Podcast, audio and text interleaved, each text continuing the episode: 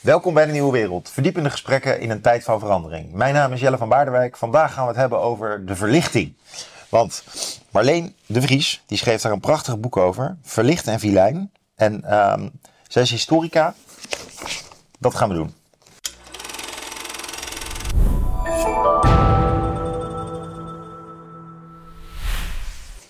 Marleen, jij bent historica, maar je werkt niet aan een universiteit volgens mij. Je hebt zelfs, vertelde je mij, eh, bij Heineken gewerkt Ja. als directiesecretaresse. Ja, ik Ja, ben, eh, eh, je hebt allemaal omzwervingen gehad in Duitsland en in Argentinië. Ja, en dan schrijf je zo'n geleerd boek, waar ik echt stijl van achterover sla. Ja, maar ik ben natuurlijk verbonden aan de Universiteit van het Leven. ja, mooi gezegd. Mooi Dat is het.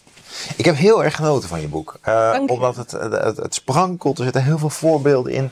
En die voorbeelden komen eigenlijk allemaal neer op van wat is er van moois ontstaan in de 18e eeuw.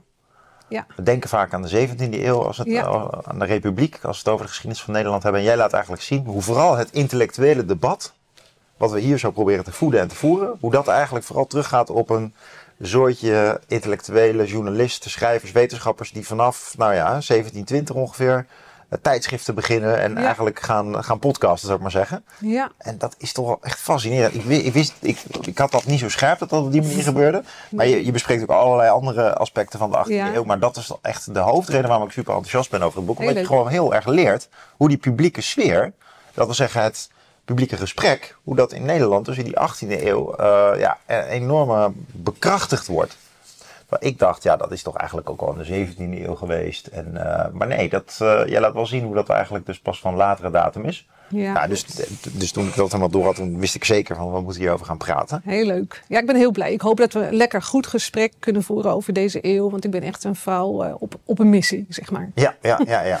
Maar, eh, vertel, de, de- dus de- misschien kan je gewoon zelf uiteenzetten van hoe, hoe, eh, wat gebeurde er in die 18e eeuw? Waarom is het in vergetelheid geraakt? Ja, nou, wat jij nu eh, zegt is heel karakteristiek voor Nederland. Die 18e eeuw is een zwart gat in het collectieve geheugen. Al heel lang. Ehm, en dat is ten onrechte, want zoals jij ook al net aanhaalde, die eeuw heeft eigenlijk het fundament gelegd voor onze huidige samenleving. En dan hebben we het over voornamelijk een seculiere cultuur. Wij zijn niet anders gewend dan dat onze cult- cultuur seculier is geworden. Naast de religieuze cultuur, er is er ook nog altijd. Maar dat is de verdienste van de 18e eeuw.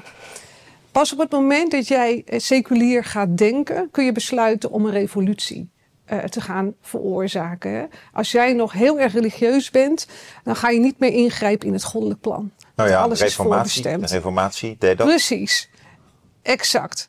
Dus dat is heel erg bijzonder en daarom kennen wij dat verhaal allemaal wel. De opstand, de 80-jarige oorlog. Hè, waarvan, hè, toen Nederland zich bevrijdde van het katholicisme en van die Spaanse overheersing.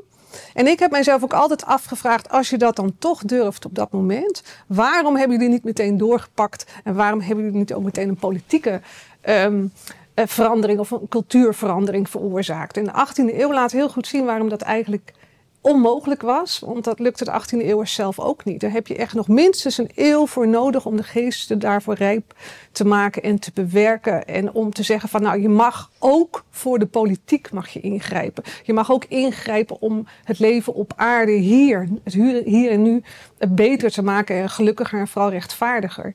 Dus als het gaat om religie, konden mensen dat opbrengen. Eh, je ziet dat natuurlijk nu nog in de moslimwereld. Het is, religie is een, een legitieme reden om in opstand te komen. Politiek is dat veel minder. En, Nou ja. en dat zie je in de 18e eeuw gebeuren. Dat is dankzij, eh, dat, dat, is, dat is dankzij dit soort kritische geesten en heldere geesten die ik bespreek in dit boek. Ja. Die, Is dus, het niet zo dat jij ook in jouw weergave van de 17e eeuw wel heel kritisch bent? In de zin van, eh, dus Nederland, eh, is dat niet, oh, Nederland, ja, je kan het eigenlijk nog niet echt Nederland noemen dan, maar ehm, in de Republiek is toch wel degelijk heel veel eh, burgerdom, vergeleken met andere landen al helemaal. Het is toch wel degelijk een Ja. republiek waar je eigenlijk, dat klopt. We hebben, waar je eigenlijk vrij horizontaal en decentraal georganiseerd bent. Ja. Met elkaar eh, de schouders eronder zet. Je- Jij, jij wijst terecht op allerlei onrechtvaardigheden. Ja. Overigens voor een deel, bijvoorbeeld waar het gaat om de verhouding man-vrouw, wordt het ook pas echt eh, in de 20e eeuw, deels in de 19e eeuw eh, vindt die emancipatie plaats. Ook niet in de 18e eeuw. Dus, dus, Ja. maar, maar ben je daar ook niet heel kritisch over? Ik bedoel, neem, je, neem je dan ook niet Nederland Republiek te veel vanuit nog de pruikentijd? Of wat de pruikentijd zou worden? En maar wat daarvoor gebeurde... eh, Nee, daar heb je helemaal gelijk dat in. is, En toch die- wel, en poli- die- dat is toch wel politiek ook een revolutie Ja. van wat er in andere landen gebeurt. Ja, natuurlijk. Nederland was veel toleranter dan de omringende landen. Precies die gewetensvrijheid hè, veroorzaakt door die 80-jarige oorlog. En het was ook veel rijker. Hè, eh, eh, eh, Nederland was een heel welvarend land. Dus je hebt helemaal gelijk. Die revolutie werd, was ook het deel van de dynamiek van de 18e eeuw. En wat er gebeurde was dat die eerste helft van die 18e eeuw had geen leider. En dat is het beroemde tweede stadhouder, stadhouderloze tijdperk. Viel aan buitenlanders niet uit te leggen. Nederland was al een federatie, geen eenheidsstaat. Eh, je hebt helemaal geen leider. Wat doe je dan als er een oorlog uitbreekt? Want dan heb je ook geen militair leider. Het leidde in Nederland toe dat die regenten steeds corrupter werden. En dat had eigenlijk niemand kunnen voorzien. Met een stadhouder deelt normaal gesproken de ambten uit. Dat verliep natuurlijk ook niet vlekkeloos en eerlijk. Maar die, die regenten die hielden alle baantjes in eigen portefeuille, in eigen familiekring. En dat eh, liep spectaculair uit de hand gedurende die 18e eeuw. En dat is een van de redenen waarom echt die burgers in opstand komen. Ja. Omdat dan toch dat gevoel van rechtvaardigheid... Het was te veel een standenmaatschappij Ja, geworden. ja, en dat is ook, dat is dus je had geen ook... enkele kans meer zelf om, om iets voor elkaar te boksen als je niet in de juiste klasse was geboren. Ja, ja, ja. Ja, zou je kunnen, wat een van de mysterie is natuurlijk, hoe kon Nederland of de Republiek dan in de 17e eeuw zo groot belangrijk land zijn? En het ineenzakken en dat Nederland pas aan het eind van de n- 19e eeuw weer wat gaat voorstellen. Wel, hoe, gaat, hoe is dat gat te Nee, verklaren? maar dat Veel is- mensen zeggen ja. dan, ja, maar ik heb toch een vraag aan je. Ja. Eh, maar heel even uitpraten. Die, de, de- de- Engeland komt op en er zijn, er zijn andere eh, landen die een deel van onze handel overnemen. Maar het is dus ook dat er een soort corruptie, netwerkcorruptie ontstaat. Waardoor we eigenlijk ook gewoon zelf niet meer veerkrachtig georganiseerd zijn. We hebben het ook zelf verkloot op die VOC-boten. In de zin van eh, dus de vriendjespolitiek. En, en niet meer effectief gericht op waarmaken wat je belooft aan elkaar een kansen geven enzovoort. Begrijp ik dat goed? Ja, nou ja, precies. Die vriendjespolitiek is wezenlijk. Je hebt dus geen toekomstplan. Er is geen toekomstscenario. Dat is er niet. En die, en die, en die neergang van die 18e eeuw is natuurlijk relatief. Omdat inderdaad de omringende landen gewoon een achterstand gaan inhalen. En dat is waardoor Nederland in de 18e eeuw niet meer het rijkste land ter wereld is. Maar eh, dat Engeland dat gaat worden. Ja. Dus dat speelt mee. Dat vonden die 18e eeuwers zelf heel vervelend natuurlijk. En ze weten dat aan een soort van zedekundig verval. En dat is een van die redenen waarom die journalisten er bovenop duiken in de jaren 20. En wat die doen vind ik eigenlijk briljant. Want de journalist, broodschrijvers werden ze toen eh, minachtend genoemd. Ehm, die gingen opeens schrijven over die alledaagse werkelijkheid. Hm. Hè, dat was ongekend nieuw. Ehm, Ja, want wat, wat gebeurde dan in de kranten in de 17e eeuw? Want toen daar heel stond, kranten. nee, ja, daar had je kranten. Maar kranten waren saai. Er stonden geen essays in of opiniestukken. Daar, stonden, stond het, daar werden de oorlogen eigenlijk verslagen die die koningshuizen voerden in Europa. Hm. En daar stonden de aankomst- en vertrektijden van schepen. Dat soort dingen. Dus heel erg E-mail-achtig. in- informatieve nieuws zonder opinievorming. En het ging al helemaal niet. Het ging altijd over Europa. Het ging eigenlijk nooit over Nederland. En wat die eerste journalisten doen, die schrijven over Nederland en de Nederlander. Dus die verbreden dat perspectief. Omdat een doorsnee Nederlander, die kwam natuurlijk zijn provincie niet uit of zijn stad niet uit. Die had geen idee wat er verderop gebeurde. En die had opeens een eikpunt. En ik, ik omschrijf dat, die tijdschriften, eh, die als ze eenmaal zijn uitgevonden, verdwijnen ze ook niet meer. Wij kunnen ons een wereld zonder tijdschrift eigenlijk niet meer voorstellen. Zoals Nou ja, we een wereld zonder auto ook niet meer kunnen Ze verdwijnen nu inmiddels wel snel, hè? Nu, maar ze gaan digitaal verder. Wij kunnen niet meer zonder, zonder opinies, zeg maar. Ja, ja. En zonder informatie over de wereld. En destijds moet je de 18e eeuw voorstellen als een informatieloze woestijn.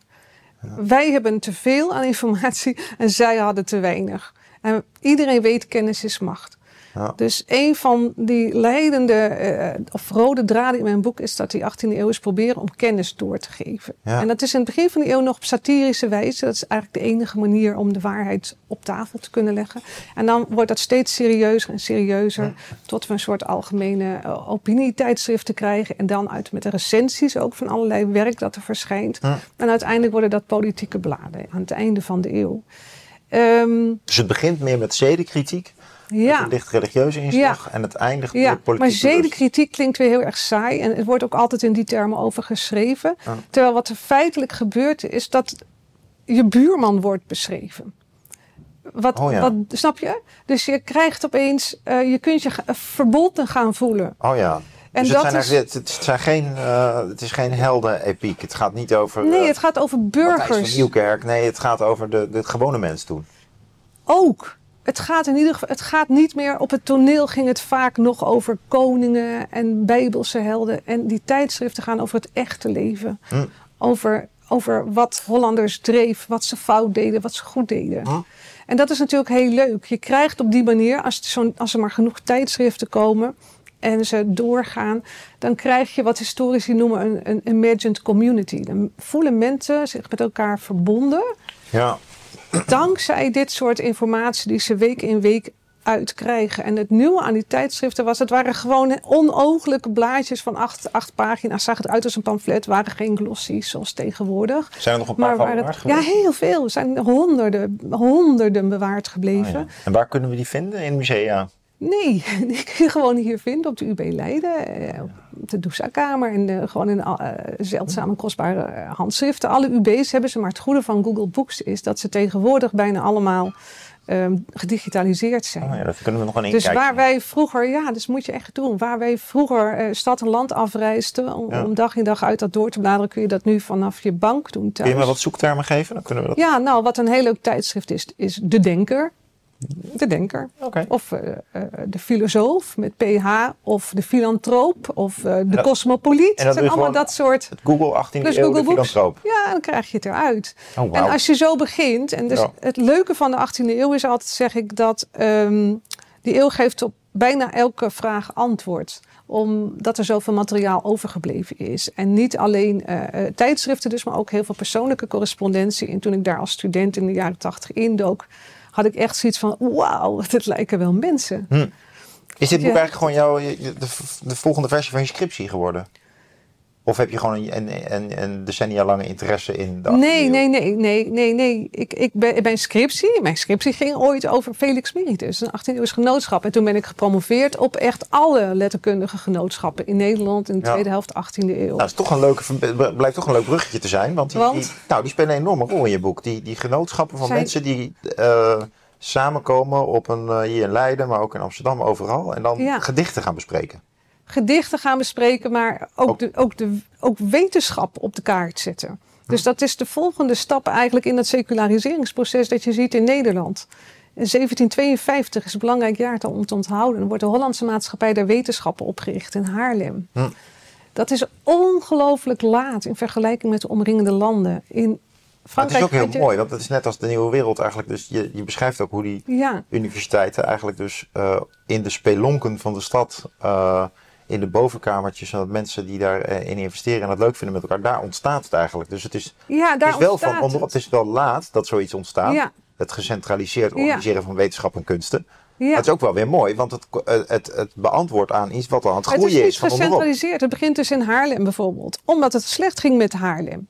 Maar dus, en omdat dan de regenten, liberale regenten en, en goede burgers dachten... kom, we gaan het zelf oplossen. Want de regenten doen het niet. En de stadhouder doet het ook niet. Dat is het rare ervan. Leiden hier, 1766, Maatschappij de Nederlandse Letterkunde, bestaat nog altijd. Dat was inderdaad een studenteninitiatief, Frans van Lelyveld. Ja. Die hebben ervoor gezorgd dat het Nederlands echt als cultuurtaal voor het eerst ook op de kaart wordt gezet. ABN bestond niet.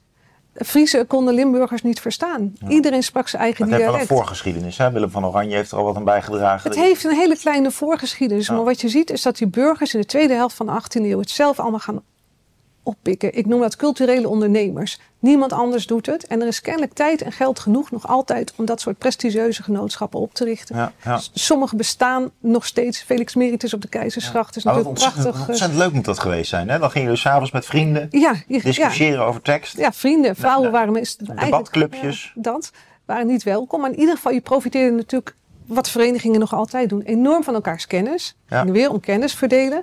Eh, en en elkaars netwerk. Ja. En daarmee hielp je elkaar weer vooruit. Dus dat waren eh, eh, fantastische eh, middelen om te emanciperen als burger. Maar daarmee dijde natuurlijk het aantal burgers ook dat wist hoe het er in Nederland aan toegang, toeging echt uit. Ja. Dus je hebt en die tijdschriften. Want hoe zat het met die geletterdheid? Wie kon dat allemaal lezen? Want je- Nou, dan aan de ene je- kant is natuurlijk een soort nieuwe elite die opkomt. Van journalisten en mensen die de ambitie Ja. hebben in de letteren. Aan de andere ja, kant. daar word je heel triest van. Oh ja? Nee, Nederlanders lazen niet. Nederlanders lazen niet. Ehm, Maar ze lazen toch de Bijbel? Juist. Boedelinventarissen laten zien dat hè, de meeste eh, Nederlanders maar een paar boeken in huis hadden. Hè. En als ze, als ze één boek hadden, was dat de Bijbel. Ja, maar dat is toch ook een heel goed boek? En je leerde als kind ook lezen aan de hand van de Bijbel. Ja, maar is toch allemaal niks mis mee? is toch mooi? Dus nou, het wel is, lezen. ja, oké, het is een beetje beperkt, Ja. lijkt mij. Hè. Ik, één bron. Ja, Het, is niet, eh, het heeft niks met de diversiteit te maken. dat, dat weet ik En niet. het was natuurlijk ook echt bedoeld om zieltjes eh, te, eh, te, te blijven winnen. Wat denk jij? Het is, dat is, het is pure categorisatie. Dus de meeste kindertjes die kregen twee jaar, eh, leerden ze lezen genoeg om die Bijbel te kunnen lezen. En dan ging je werken als je acht was. Ja. Of negen. Of tien. Als je Maar was, het in, was het in Frankrijk of Duitsland beter gesteld dan? Met ehm, geletterdheid? Eh, goeie vraag. ik heb het idee dat we juist daarmee nog wel voorop liepen. Nee, nee, nee, historisch, nee historici hebben berekend dat ehm ehm 5 tot 7 procent van die bevolking eigenlijk meedeed aan eh, het kopen van boeken en het zich goed laten informeren. Men noemt dat een nationale communicatiegemeenschap. Maar je kunt je afvragen wat er nationaal aan is natuurlijk als je het over 5 of 7 procent van de bevolking hebt. Ja, dat is hoeveel- heel erg weinig. Ja, maar hoeveel weinig. procent van de mensen denk je dat nu boeken koopt? Nou, weet je hoeveel boeken er vorig jaar zijn verkocht? Ja, veel. Maar ik denk dat het allemaal door 25 procent... 43 miljoen. Maar dat is inderdaad veel. En, Ja, maar ehm, ik denk dat maximaal 25 procent Ja, van het het, is, ja, het klopt. Zoiets van is het volk. Nou, het is denk ik iets hoger, maar eh, nothing changed.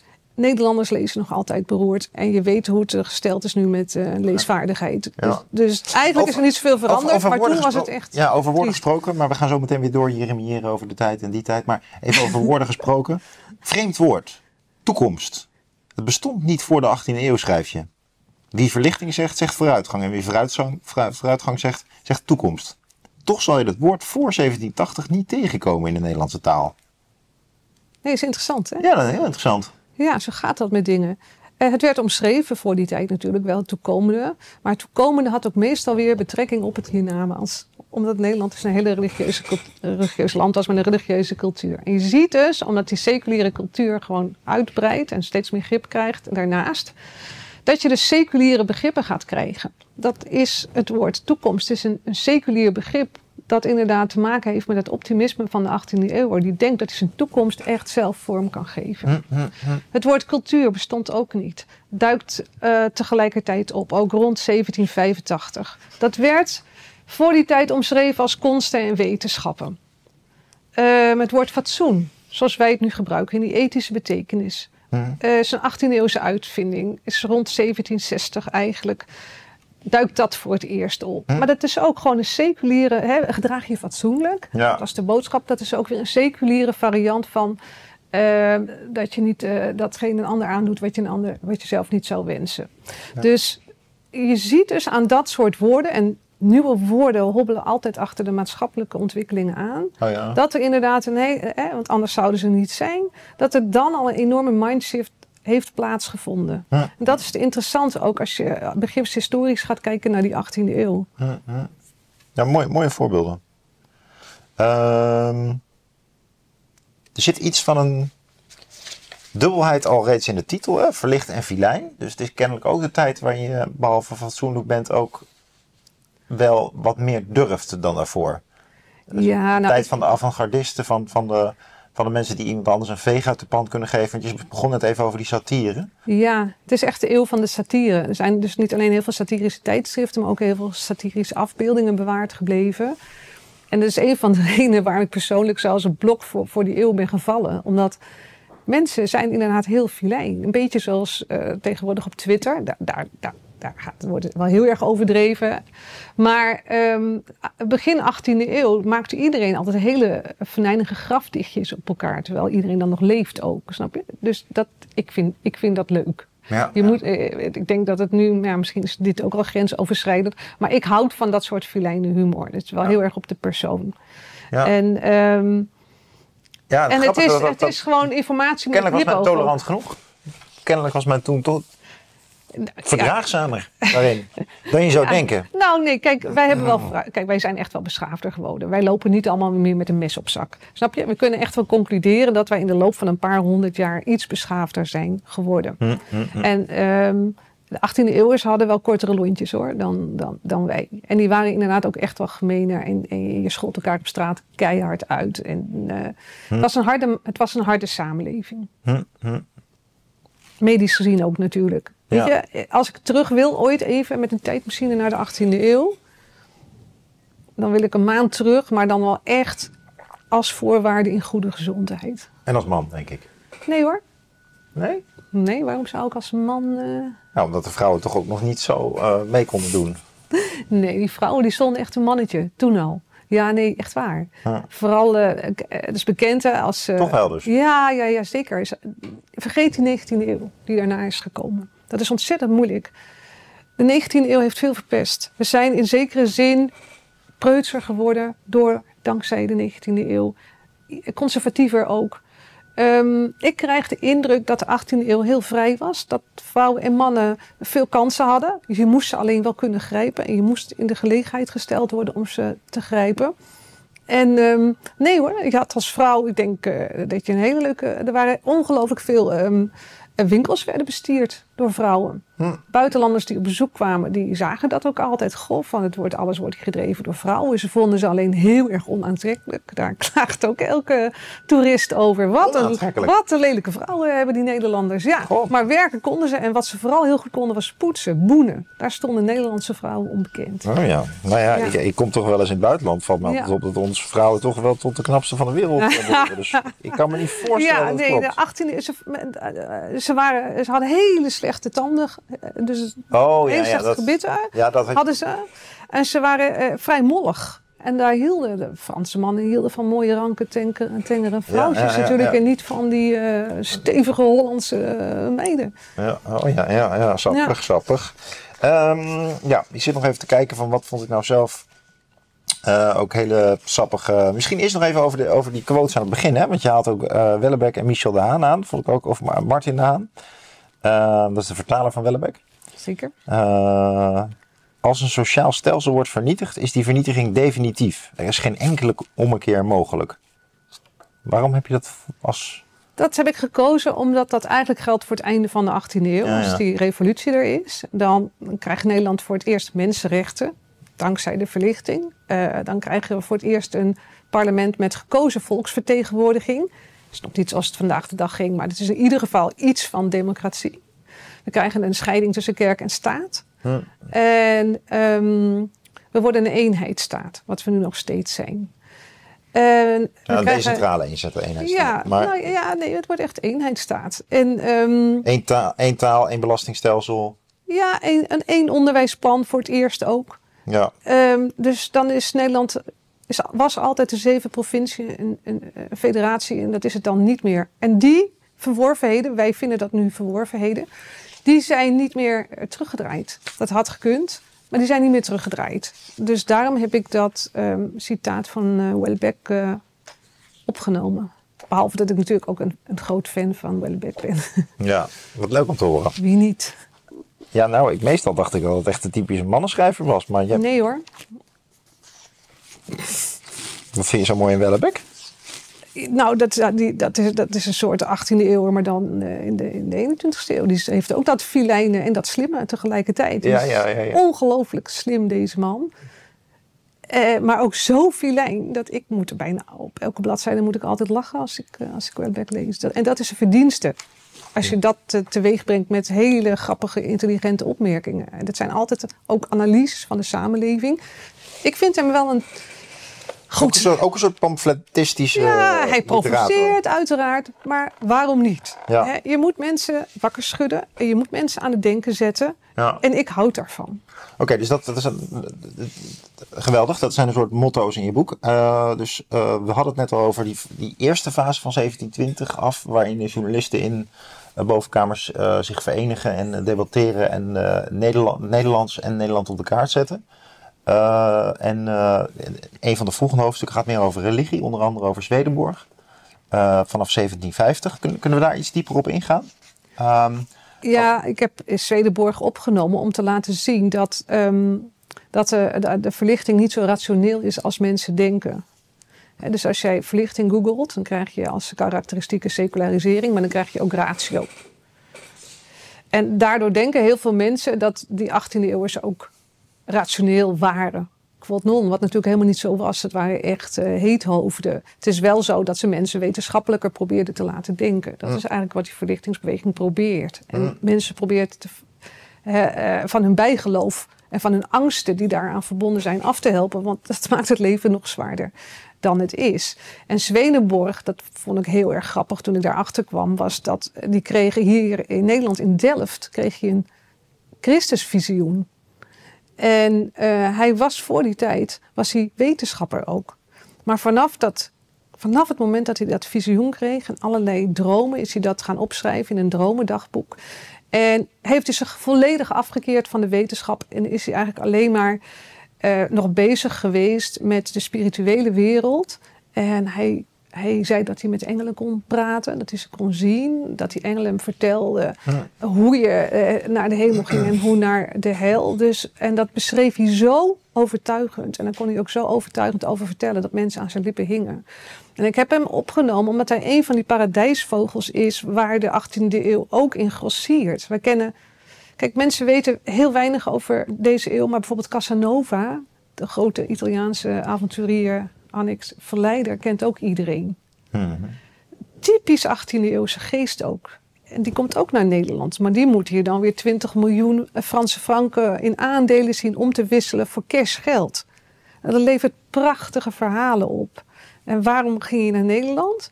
Omdat Amsterdam destijds het financiële centrum was van Europa. Dus als je als land cash nodig had, ja, dan ging je naar een van de bankiers in Amsterdam of Den Haag. En Casanova wordt dus ook zo op pad gestuurd. En dat is ook iemand die geloofde, dat was een halve alchemist. Hij, hij, hij gaat met- meteen naar bankier Thomas Hoop. Tenminste, we denken, we denken dat dat Thomas Hoop is. En wordt dan verliefd op diens dochter. En diens dochter weet hij te imponeren omdat hij zegt dat hij over een orakel beschikt. Hè? En dat orakel, weet je wat dat orakel voorspelt? Hij voorspelt dat dat meisje een moedervlek heeft op haar geheime deeltje. Dat voorspelt het orakel van Casanova. En dan gaat dat meisje, dat bekijkt en dat blijkt te kloppen. En dat wist ze natuurlijk helemaal niet. Casanova had dat gewoon beredeneerd. Dat meisje had overal moedervlekken, dus die had gewoon, dan heeft ze dat daar waarschijnlijk ook wel. Maar vanaf dat moment gelooft dat meisje hem heilig en in dat orakel van Casanova en haar vader, de bankier, gelooft daar ook in. En die laat, die vraagt dan allerlei financiële en, en eh, dingen aan Casanova gewoon om de business vooruit eh, te helpen. En dat, dat, dat, dat, dat lukt. Hij, hij, eh, hij raadt er een beetje naar, maar hij geeft het orakel geeft elke keer toevallig het goede antwoord. Nou, dat is, dat is ook typisch 18e eeuws. Casanova heeft hier zelf over geschreven. Ja, in zijn memoires. Als je een, de leukste tijdmachine naar de 18e eeuw, dat zijn de memoires van Casanova. Hm. Die zijn fantastisch, want hij reisde heel Europa door. En Hij hij kan- steekt met iedereen het raak. Ja, nee, hij heeft ook heel veel zelfspot. Dus dat is het leuke ervan, want anders zou het onleesbaar zijn. Het gaat ook over zijn veroveringen, maar het gaat ook heel erg over 18e eeuws Europa. En eh, hoe het ruilde en zeilde in de, in de, in de elitaire klasse. En hij schrijft heel goed. Hm. En hij schreef dat toen hij 72 was, of begon misschien op zijn 70ste, want het zijn 4000 eh, handgeschreven bladzijden. 4000 bladzijden. Ja, het is verschrikkelijk. Ja, het zijn heel veel delen. Ze zijn ooit in de jaren negentig eh, door Theo Kars vertaald. Zo. En zijn zo lezenswaardig. Toen, ik was toen aan het promoveren. En elke keer als ik zo'n deeltje las, dacht ik, ik heb het goed gezien. Wow. De 18e eeuw is gewoon de leukste eeuw ever. Wat een gouden tip. Ik ga straks Ja. direct naar de slechte om deze serie te kopen. Dat, is, dat lijkt me heel Ja, ja nee, het is, hij kan, het is heel leuk. En dan heb je een heel leuk beeld krijg je van heel Europa. Want dit soort mensen, zoals Swedenborg ook, die reizen gewoon door heel Europa met vrij groot gemak. Dat je Ja. denkt, hoe is het mogelijk? Want het moet moeilijk zijn geweest. Maar juist die klasse reist heel veel. Ja, je hebt het over eh, Lady Verlichting. Ja, d- dus hier bijvoorbeeld, Lady Verlichting hield daarvan. Magie en spiritualiteit waren wat haar betreft even belangrijk als rationele en materialistische filosofieën. Nou oké, dus dat heb je net toegelicht. Maar die Lady Verlichting, wat kun je dat dus te- te- toelichten? Ik bedoel, was het zo'n Is dat, het is niet alleen maar een beeld dat jij gebruikt als retorisch Nee, instrument. helemaal niet. Ik, sommige lezers eh, ergeren zich hier aan. Ehm, ik vond het juist. Dat, dat maakt maar boek- ik heb het niet zelf het boek- verzonnen. Maakt het boek heel leuk, vind ik. Ja, ik heb het niet zelf verzonnen. Eh, Zij is. eh, Wel een beetje mysterieus maakt het het boekje. ja, misschien ook wel. Nee, zij wordt ehm, door die 18e eeuwers zelf, de verlichting. Ja. En dan- misschien moeten we dat ook nog even uitleggen. De 18e eeuw staat echt symbool voor de verlichting. En die verlichting wordt afgebeeld als een dame.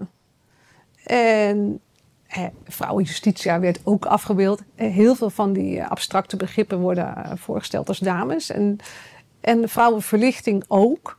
En zij keert dus vaak terug, in, ook op satirische prenten. Ze, heeft meestal een spiegel in haar hand en dan, dan, dan laat ze de werkelijkheid zien. Hm, Ze heeft soms ook het vlammetje van de, van de waarheid hm, op haar hoofd. Ze is meestal heel schaars gekleed, dus het ziet er heel aantrekkelijk uit.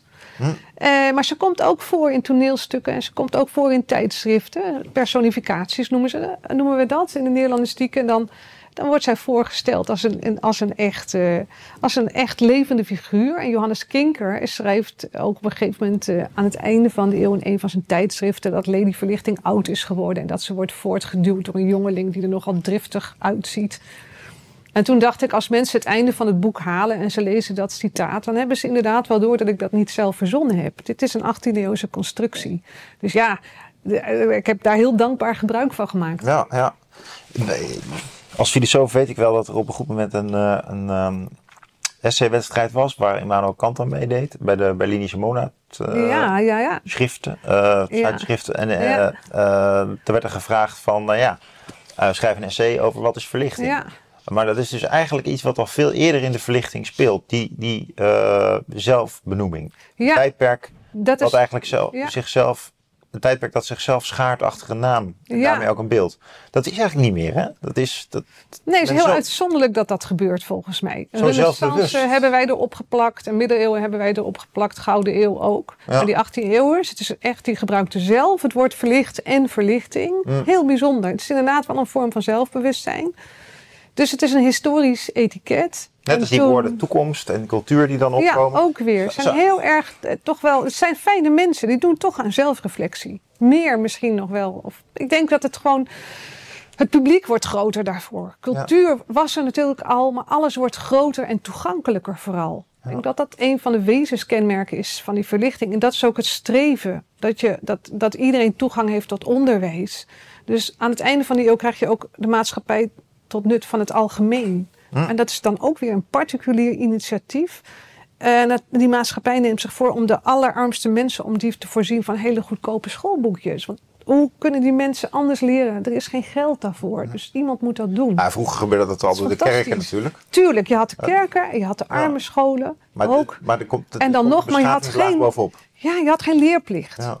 En als je nou zeg maar eh, historisch letterkundig, eh, eh, komt de volgende vraag in mij op.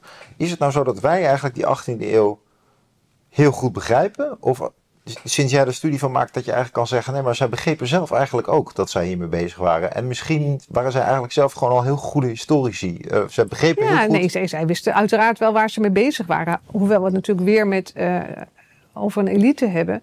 Nee, het punt is dat wij heel lang de verlichting hier als historici niet goed hebben begrepen. Oudere mensen hebben altijd geleerd dat de verlichting komt uit Frankrijk. En de verlichting is Frans en dat is de Franse revolutie en dat zijn Franse filosofen. Hm. Eh, Montesquieu, Diderot, d'Alembert. Dat kreeg, Ja. wij, kreeg ik vroeger ook geleerd. Weet je, in de geschiedenisboeken van de filosofie is het weer wat anders. Dan begint het in Engeland.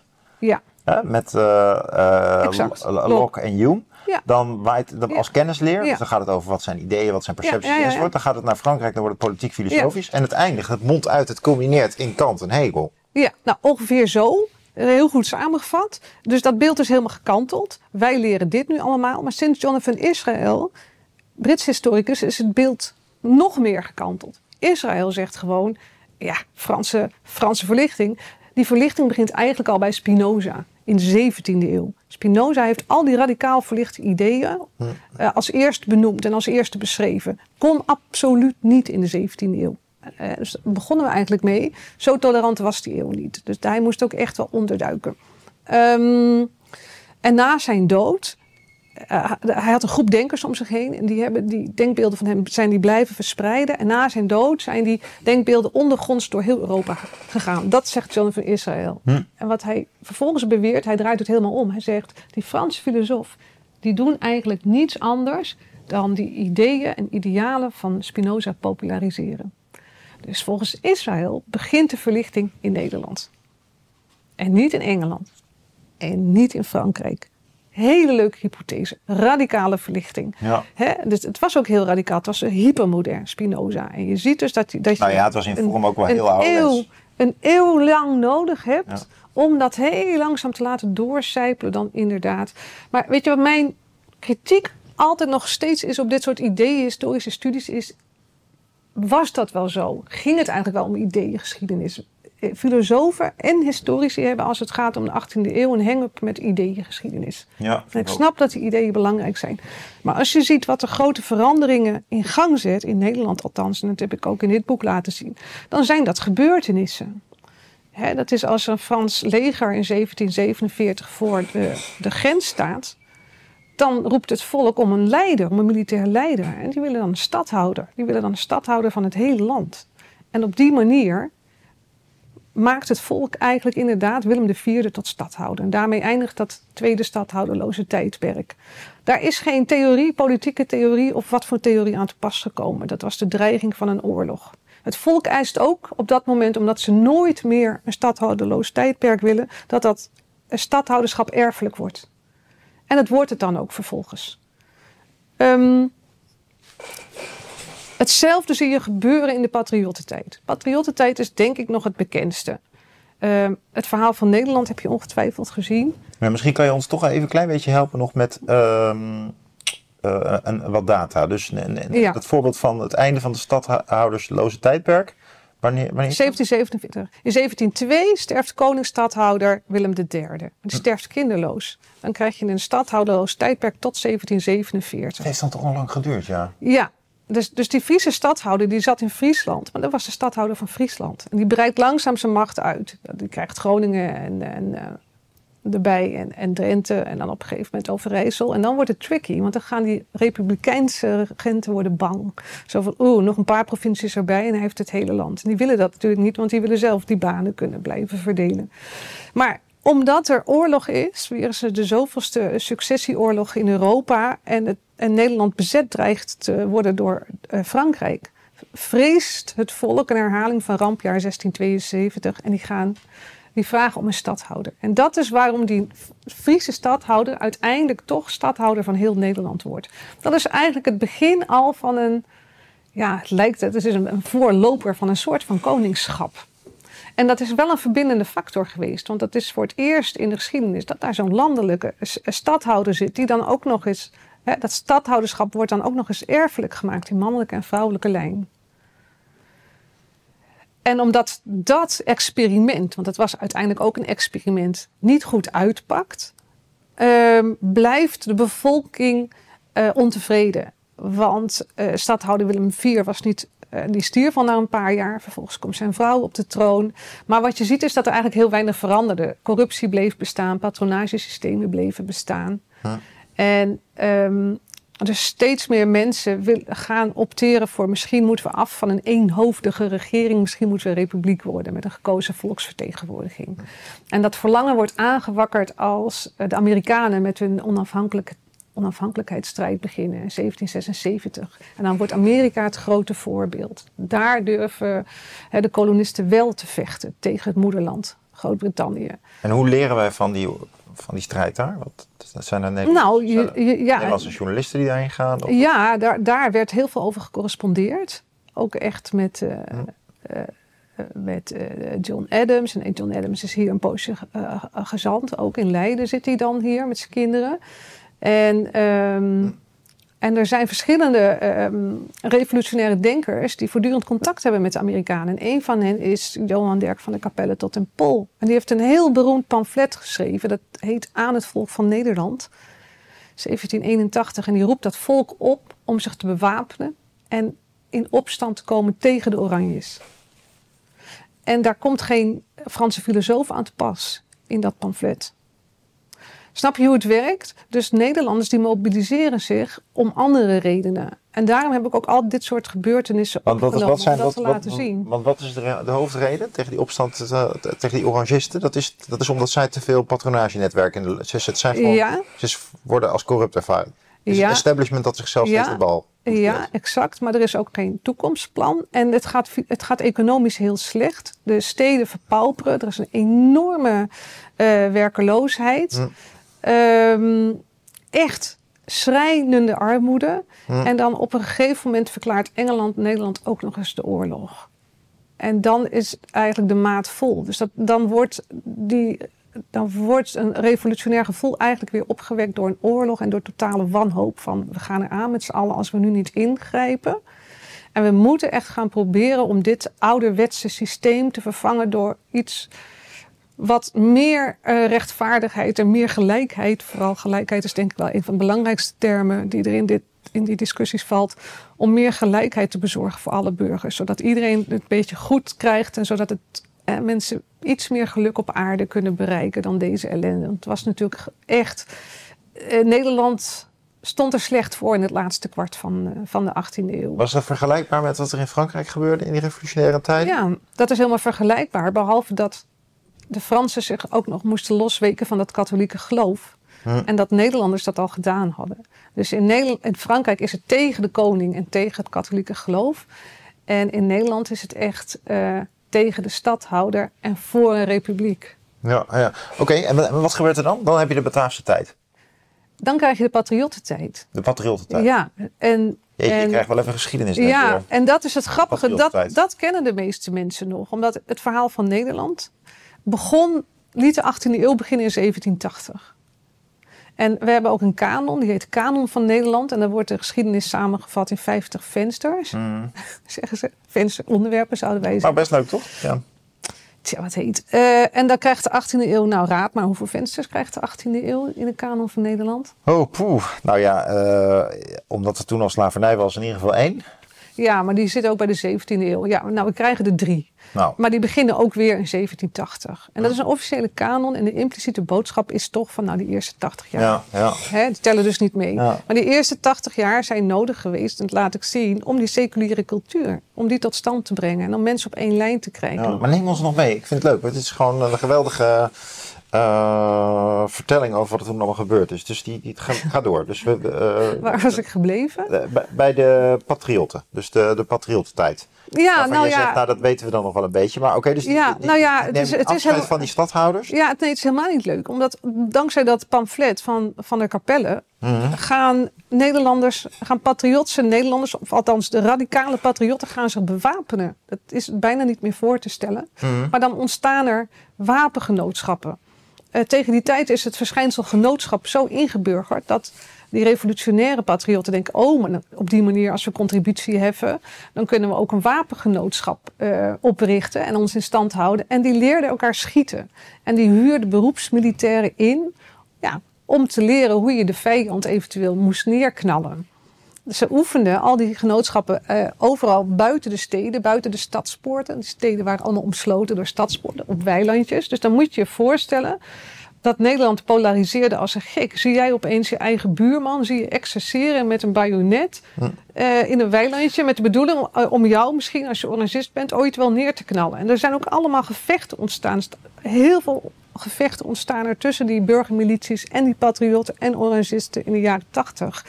Dus er wordt nu gesproken over polarisatie in Nederland en verharding. En denk ik van ja, nou, eh, het was wel een graadje erger in de 18e eeuw. Ja, we hebben En- een kleine traditie op dit punt. Maar Ja. even van mijn beeld, hè, want Ja. jij bent, dat vind ik heel eh, charmant. Het is een ideeënrijk boek, maar je bent je heel erg bewust van dat eh, oorlogen, ziektes en, en gewoon sociale onrust soms helemaal niks met theorie en ideeën te maken heeft. Ja.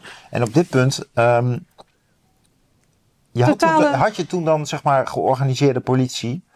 Je had dus die burgermilities, dat was toch ook een soort van heel sociaal gesproken normaal iets. Dus dat, Nee, je had de schutterij, had je. ja, de dat schutterij was al heel lang. En die ook beschermde maar- de stad. Ja, maar het is ook een soort maatschappelijk middenveld geweest. Ja. Moet je dat toch zien Ja. als een soort Nee, exact. Maar die schutterij werd natuurlijk ook aangesteld binnen bepaalde kringen. En daar werd je ook Ja. niet zomaar lid van. Ja, ja. Dus die, die, die, die, burger, die gen- burgergenootschappen die elkaar gingen schieten. Ja, dat, zijn van- vrijwilligers weer. Dat Was- zijn echt die, die, die Ja, maar dat waren die schutterijen toch ook? Die kregen dan wel wat betaald, maar dat was toch ook... ja, nee, die werden aangesteld van, van Stadswegen natuurlijk. Oh ja, dat waren toch aanstellingen? Ja, Er waren geen huurlegers, zeg maar. nee, Oh ja. nee, nee, nee. Nee, ja, je moet me echt even bijpraten. Ja. Je, je merkt, ik, ik, Ja. ik bedoel, ik, ik, ik- Maar de, die raak, dat raakt wel allemaal slaags met elkaar in die patriottentijd. ja. En het gaat ook allemaal door elkaar lopen. En je, kon niet neutraal blijven in ieder geval. Je was of patriot of je was o- orangist. Hm. Dus die jaren zeventig zijn helemaal niet zo leuk. En op een gegeven moment is dat volledig uit de hand gelopen. En heeft Willem V zijn legers gestuurd naar Hattem en Elburg. Hm. Veluwse stadjes. En toen is het dus echt tot een, tot een burgeroorlog gekomen. Kun je je niet voorstellen. Dus dat het staatse leger vecht tegen gewapende legertjes vrijwilligers. ja. En Was het zo dat in die vrijwilligerslegers, zat, daar ook, zat, zaten daar ook burgers bij? Zin, Was dat alleen maar volksopstand? Of, of zat, nee, dat zat- was toch een goede burgerij. Want daar moest je op zich ook wel weer geld voor hebben om zo'n contributie Ja, te kunnen betalen. ja, ja. En ze zaten ook heel mooi. eh, Dus die orangisten was een specifiek smal deel van de elite. En dat was ook zo met die... eh, Nee, het was 50-50. Het volk staat per definitie eigenlijk achter Oranje. Wat men het grauw en het volk noemt, het lagere volk. Ja, dat ja. is een hele lange traditie. Die hoopt altijd heil van, van, van zo'n stadhouder te krijgen. ja, ja, De Joodse bevolking ook, traditioneel orangistisch. ja, ja. En dan de rest was volslagen verdeeld. Dus je had hele intelligente mannen als Rijklof Michael van Groens of Elie Luzak, hier uitgever in Leiden, die eh, veel orangistisch waren en eh, echt, echt slimme vertogen schreven over waarom zij dachten dat een gekozen volksvertegenwoordiging dat dat zou gaan leiden tot complete chaos en anarchie en waarom je dat niet moest doen. En daartegenover stonden allerlei andere intellectuelen, want de intellectueel is ook een, een 18e eeuwse uitvinding. Hè, De maatschappelijk geëngageerde intellectueel, zoals wij hem nu definiëren. De public, Ja, ja. de public intellectual. Daartegenover stonden heel veel republikeinse intellectuelen die zeiden van ja, maar wij denken om deze en deze en deze reden dat Nederland beter af is met een gekozen volksvertegenwoordiging en eh, een exit van de stadhouder. Nou, en dat, en daarom is die, dat laatste staartje van de 18e eeuw wel heel erg interessant. Nou. Want eh, als, als je geïnteresseerd bent in intellectuele geschiedenis, kun je daar je hart wel aan ophalen. Maar feit blijft natuurlijk dat die armoede verschrikkelijk was, dat die oorlog nog voor nog meer armoede zorgde. En dat voor heel veel mensen die dus geen toegang hadden tot, tot want de meeste mensen hadden geen toegang tot die traktaten. Dat dat de reden is geweest dat ze zich aansloten bij. Of dat ze dachten van nou ja, God zegen de greep, laten we, dat, laten we ons aansluiten bij de patriotten. En uiteindelijk is die eerste patriotse revolutie om zeep geholpen door de Oranjes. Omdat Willem V een Pruisisch leger liet aanrukken. Ja, daar kon niemand tegen op. Pruisen zijn gedrild van hier tot Ginter. Dus toen leek het even alsof de machtsorde van Oranje was hersteld in 87. Toen is die patriottenbeweging ondergronds doorgegaan. Heel veel patriotse journalisten vreesden voor hun leven. Die zijn naar Frankrijk gevlucht. En die zijn daar gaan lobbyen op het allerhoogste niveau. Met politici, met Franse revolutionairen. En die hebben het voor elkaar gekregen dat uiteindelijk Frankrijk te hulp schoot met een Frans leger om Nederland binnen te vallen. Nou, de patriotten, dat is gebeurd in 1794, 95. Dat is de Batavische Republiek, Batavische omwenteling. De patriotten zagen dat als een bevrijding en de orangisten zagen dat als een bezitting. Totaal verdeeld land. Maar vanaf dat moment is Nederland republiek. Maar toen begon weer het gevecht tussen eh, de volksvertegenwoordigers. Want je moet je dus voorstellen dat niemand enige ervaring had met landelijke democratie. Wij weten niet beter of er zijn mensenrechten en wij weten niet beter een democratie functioneert zo. Zij moesten de democratie uitvinden. Ze kennen het woord. Ze konden ongeveer zien hoe het toeging in eh, Amerika en in Frankrijk. Die twee waren ons voorgegaan. Maar hoe ga je dat in de praktijk invullen op allerlei tot- pragmatische... Tot 1815 voordat er dan de eerste grondwet toch wordt geformuleerd. Nee, de eerste moderne grondwet lijkt. is 1798. En dat is de staatsregeling van 1798. En dat is een hele moderne grondwet. Eh, eh, Vijf, meer dan 500 artikelen, dus veel te lang eigenlijk. Maar in ieder geval, dat is de basis geworden Oh ja, van. toch wel toen. 1798, maar daar hebben ze dus ook bij- een 2,5 jaar over gedaan. Ja. Wezen bekvechten, vooral ook op het punt van religie. Wat moeten we met religie? Is dat wel of niet verplicht? En uiteindelijk hebben ze dat facultatief gemaakt. Dus religie je hoeft niet meer verplicht Ja. religieus te zijn. Dus je moet, het verschil met 1700 is immens. Die- Dat, die wereld in 1798 lijkt in niets meer op de wereld van 1700. Ja. Het is heel, heel interessant. Nou, nou. Het is hele moeilijke geschiedenis. En kijk, Johan Huizinga die, die heeft dat ooit heel treffend omschreven. Zoiets als van wie de grootheid van de 18e eeuw wil vatten, moet in staat zijn om een beetje achter de mensen en de dingen te kijken. Het is niet zo dat we in de 18e eeuw specifiek helden hebben. Dat zou het veel makkelijker maken om die eeuw ehm, te promoten, zodat mensen namen kunnen onthouden. Er zijn gewoon heel veel burgers bij betrokken en die hebben dat gezamenlijk. Eerst tijdschriften, toen genootschappen, toen revolutie. Die hebben dat gezamenlijk allemaal ja, en toen elkaar institutionalisering gekregen. dus. Ja, en toen uiteindelijk dat. En dat is natuurlijk heel moeilijk. En je ziet hoe moeilijk de formatie nu loopt. Het is, het is, het is verschrikkelijk. En dan zijn wij getraind daarin. En toen was niemand getraind. Ja. Dus daar zijn verschillende staatskoeps nog aan te pas gekomen voordat daar een grondwet lag. Maar ja, toen lag je er. En toen is alles verpest omdat Napoleon, weet je. Maar ja, dat, is, dat, dat kun je niet voorspellen. Dat de geschiedenis anders loopt dan, die, dan, dan gepland. Ja, ja Dat is stel eens even. dus de- Oké, de Franse revolutie. Dat is met heb het idee dat ik een soort- Ja, je bent gewoon college aan het Ik geven. heb het idee dat ik een college aan het Maar alleen je geven bent gewoon college aan het geven. Dat is ook heel fijn. Dat is heel fijn. Dus, maar, nee, Nou ja, heb je Napoleon gezien, de film? ja, verschrikkelijk. Ik was ook niet zo van onder de indruk, eerlijk gezegd. Maar. Zo'n ehm, Noorse man die, die, die, die, Ja, ik denk niet elegant met zijn eigen vriendin om kan gaan. Nee, ik denk dat. het- Nou ja, de Fransen zijn er heel boos over. Maar. ehm, Dat snap ik wel, ja. Een ehm, beetje knorrig in Kijk. de tent. het gevaar van elke democratie is. Wat op de loer ligt, is dat er onder die volksvertegenwoordigers. een potentiële dictator zit. Waar kennen we dat van? Maar dat is het gevaar, dat loert bij elke democratie, dat gevaar. En dat is in Frankrijk twee keer gebeurd. Eerst met Robespierre en de terreur, 40.000 m- mensen onder de guillotine. Ja. En vervolgens, eh, Napoleon zat niet in die volksvertegenwoordiging, maar was wel generaal. Vervolgens heeft Napoleon de macht gegrepen.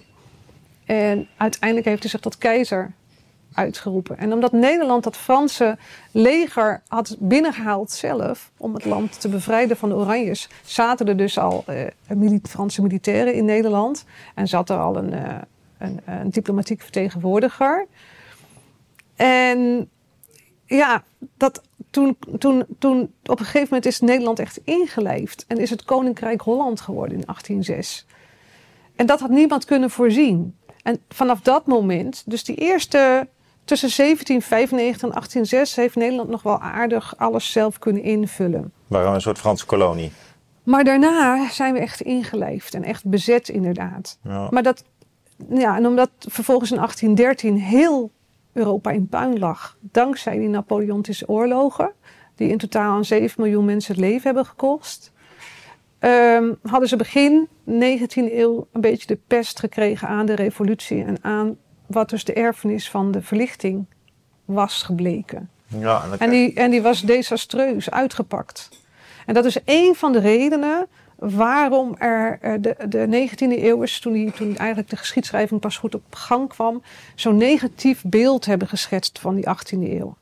Dus de 19e eeuwers hebben gezegd, de 17e eeuw toen waren we groot, ging het goed en welvarend en rijk. Dus dat noemen wij de Gouden Eeuw. Die 18e eeuw heeft uiteindelijk oorlog, verderf en ellende en 7 miljoen doden gebracht. Dus die presenteren we in ons verhaal als een tijd, als, een- als, als een mislukte periode eigenlijk.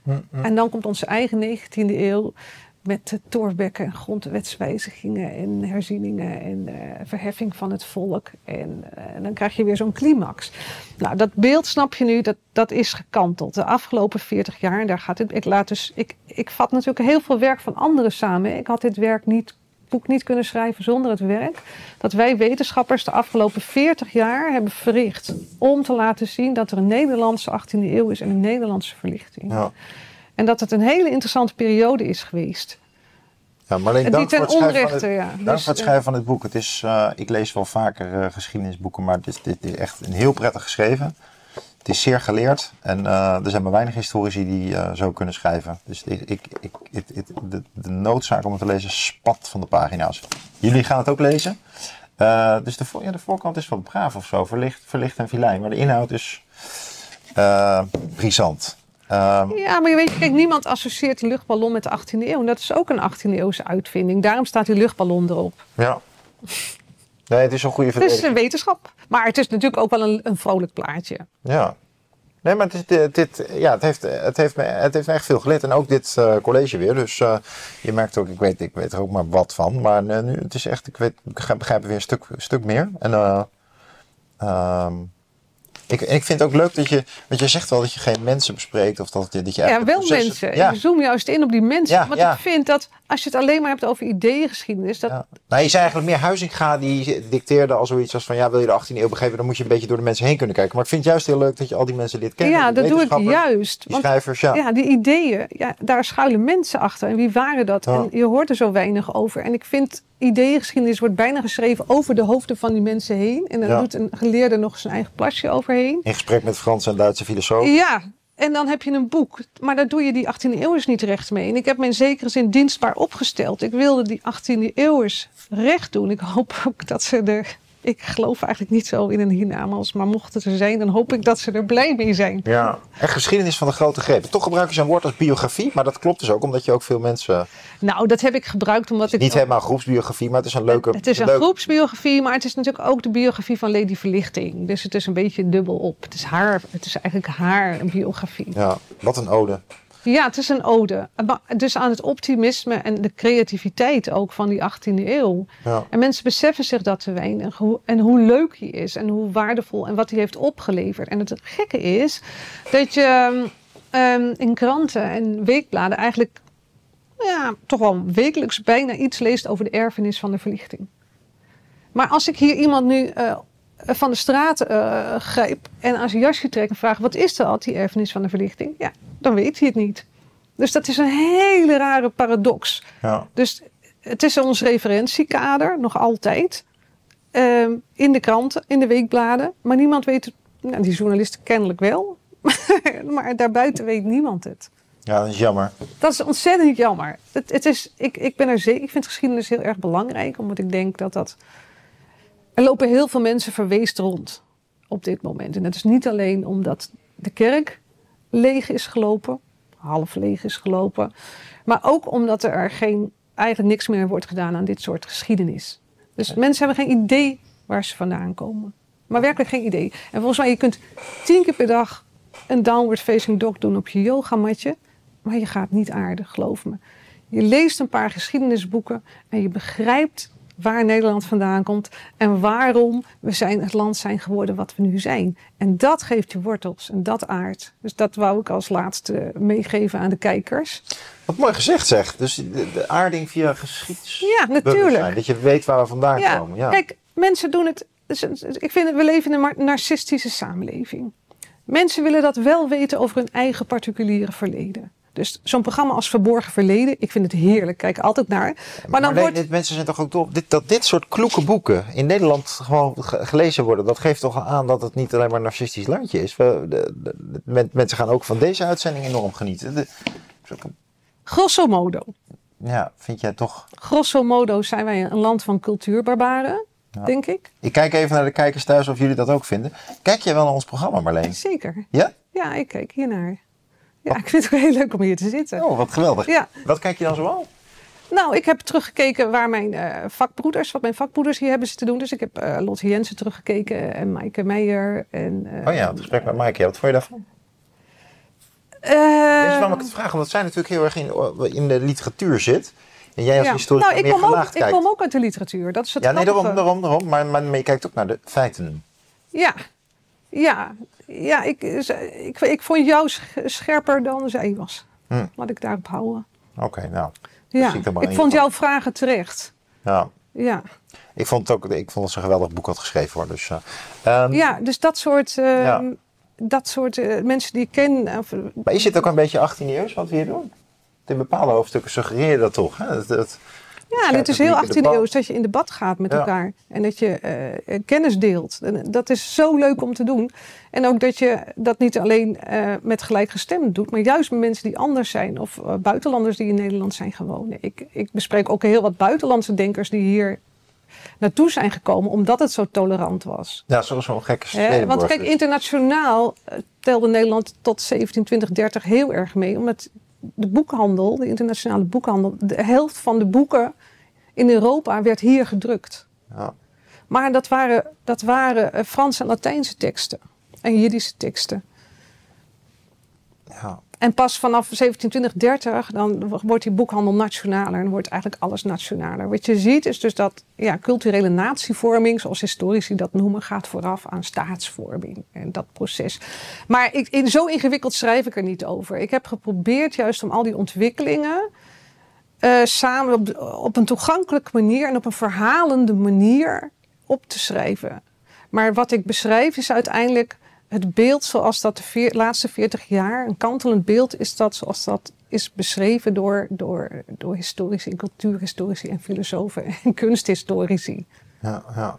Maar als ik het academisch had gehouden, dan leest geen mens een boek. En dan zou ik Nee, maar ik ben ook mijn doel blij dat- voorbij schieten, snap je? Ik Ja, ben maar wat is, academisch? wat is academisch? Eh, Nou, dat- saai dan- ja, dat is heel saai en dan 30 zou- waar hebben we het over? Ja, dan Dit zou ik- is academisch. Nou, dan zou ik bijvoorbeeld uitsluitend over ideeën academisch. hebben geschreven. En dan zou ik elk hoofdstuk hebben geopend met de volgende fase in het seculariseringsproces. Ja, is joh. dat. Weet je? Gelukkig heb je dat niet gedaan. Ik, eh, iedereen die het leuk vond, ga, ga dit lezen. En je kennis van de 18e eeuw bij, bijspreken. Maar je merkt, Marlene heeft een grote greep op de geschiedenis. Dus dit gaat ook over de 17e en 19e eeuw. Ze eh, trekt lange lijden, eh, waarvoor hulde, verlicht en filijn. Dank voor je komst. Graag gedaan.